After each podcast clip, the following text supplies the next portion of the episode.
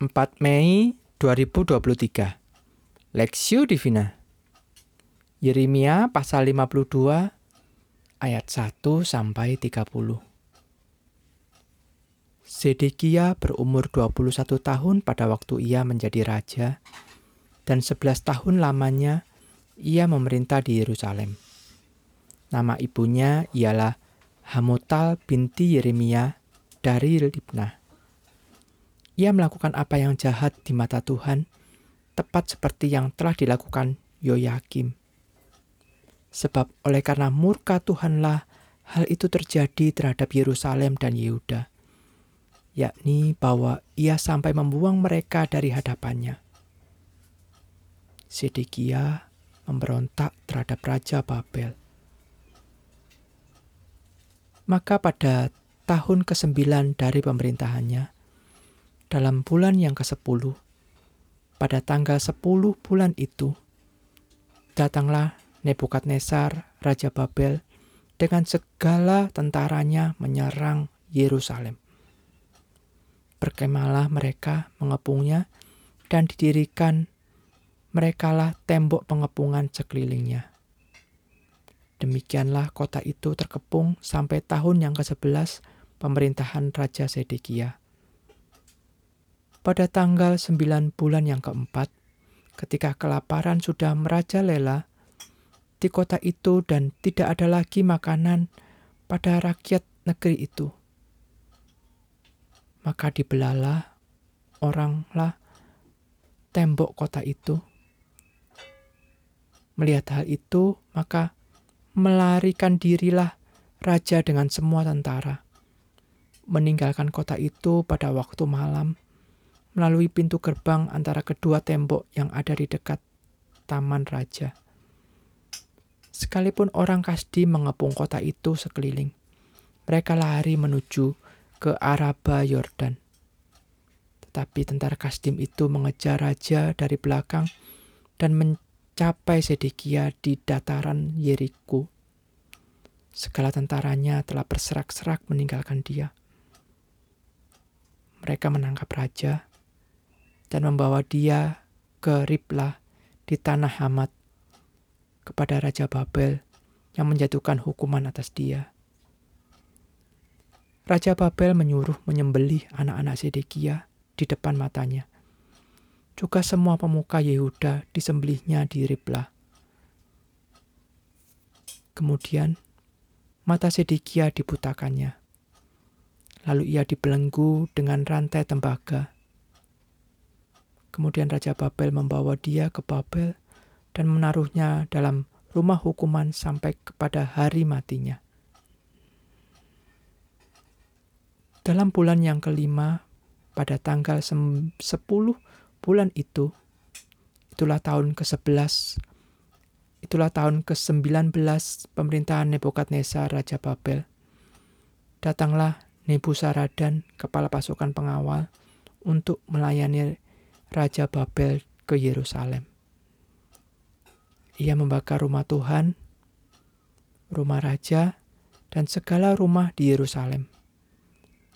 Segala rumah orang-orang besar dibakarnya dengan api.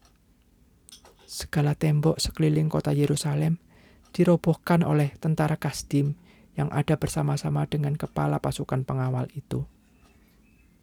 Sebagian dari orang-orang yang paling lemah dan sisa-sisa rakyat yang masih tinggal di kota itu, dan pembelot-pembelot yang menyeberang ke pihak Raja Babel, dan sisa-sisa para pekerja tangan diangkut ke dalam pembuangan oleh Nebuzaradan, kepala pasukan pengawal itu.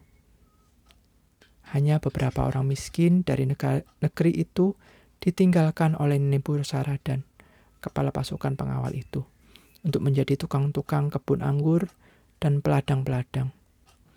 Juga tiang-tiang tembaga yang ada di rumah Tuhan dan kereta penopang dan laut tembaga yang ada di rumah Tuhan dipecahkan oleh orang Kasdim dan seluruh tembaganya diangkut mereka ke Babel. Kuali-kuali penyedok, penyedok, pisau-pisau, pokor-pokor, penyiraman, dan cawan-cawan dan segala perkakas tembaga yang dipakai untuk menyelenggarakan kebaktian diambil mereka. Juga pasu-pasu, perbaraan, perbaraan-perbaraan, bokor-bokor penyiraman, kuali-kuali, kendil-kendil, cawan-cawan, dan piala-piala, baik segala yang dari emas maupun segala yang dari perak, diambil oleh kepala pasukan pengawal itu.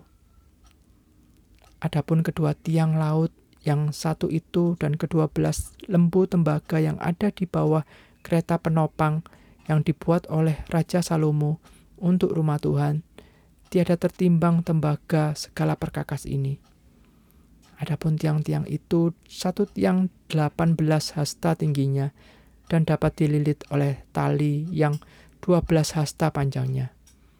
Tebalnya empat jari dan geronggong ger, gerok, geronggang dari dalam.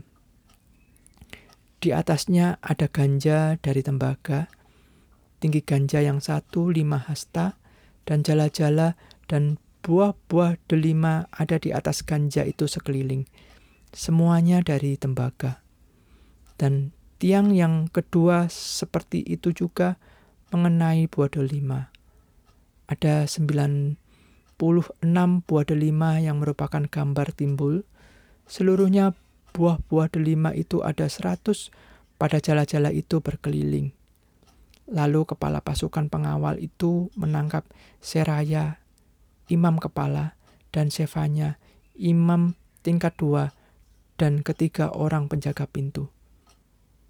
Dari kota itu dari kota itu ditangkapnya seorang pegawai istana yang diangkat mengepalai prajurit-prajurit dan tujuh orang pelayan pribadi raja yang terdapat di kota itu, dan panitera panglima tentara yang mengerahkan rakyat negeri menjadi tentara, dan enam puluh orang dari rakyat negeri yang terdapat di tengah-tengah kota itu. Nebuzaradan, kepala pasukan pengawal, menangkap mereka dan membawa mereka kepada Raja Babel di Ribla. Lalu Raja Babel menyuruh membunuh mereka di Ribla di tanah Hamad.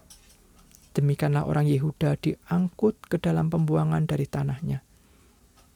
Inilah jumlah rakyat yang diangkut dalam pembuangan oleh Nebuzaradan dalam tahun ke-7 3000 3023 orang Yehuda.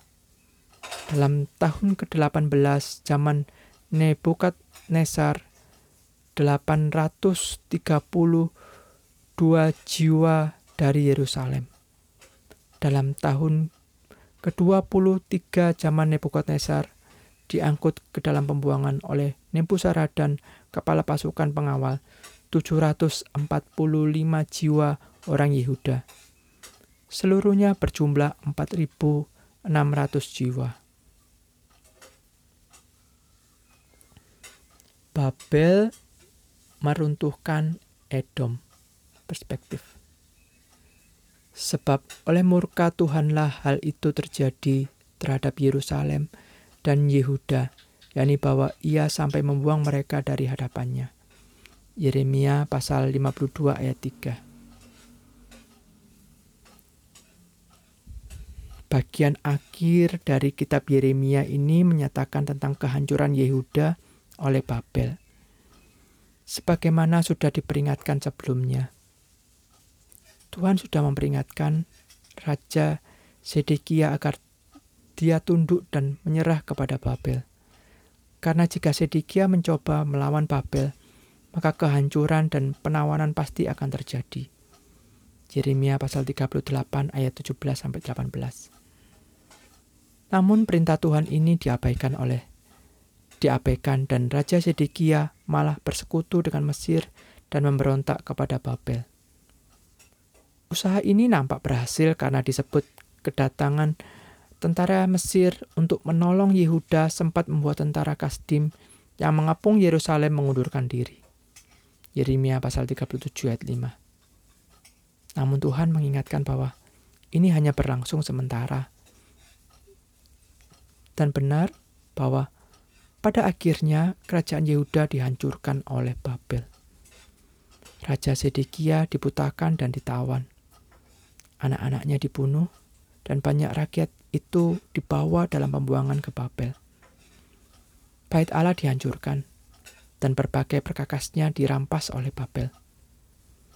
Firman Tuhan menyatakan dengan tegas bahwa oleh karena murka Tuhanlah hal itu terjadi terhadap Yerusalem dan Yehuda. Hal yang terjadi terhadap Yehuda ini mengingatkan kita bahwa Allah berdaulat atas kehidupan umatnya dan firmannya hendaknya didengar dan ditaati. Terkadang kita tidak mempedulikan firman Tuhan karena dirasa tidak cocok dengan keinginan kita. Seperti dalam kasus Yehuda, masakan Tuhan memerintahkan untuk menyerah. Bukannya memberi kemenangan, namun tidak ada gunanya melawan kehendak Allah. Karena terjadi, karena yang terjadi malah hal-hal yang merugikan dan memperburuk keadaan sendiri.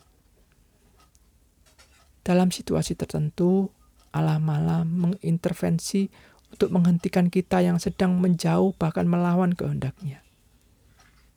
Justru agar kita tidak menjauh dari darinya. Intervensi Allah bisa berupa situasi sulit yang kita tidak sukai.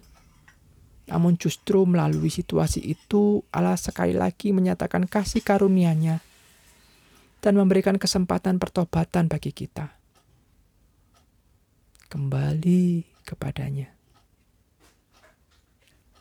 Kiranya kita memahami dan menyadari hal ini dengan belajar untuk mempedulikan dan menghidupi firman Tuhan dalam kehidupan kita.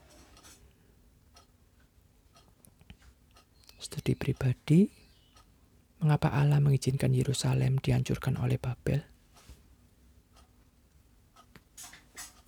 Apa yang ingin diingatkan Allah kepada umatnya saat itu? apa yang bisa kita pelajari?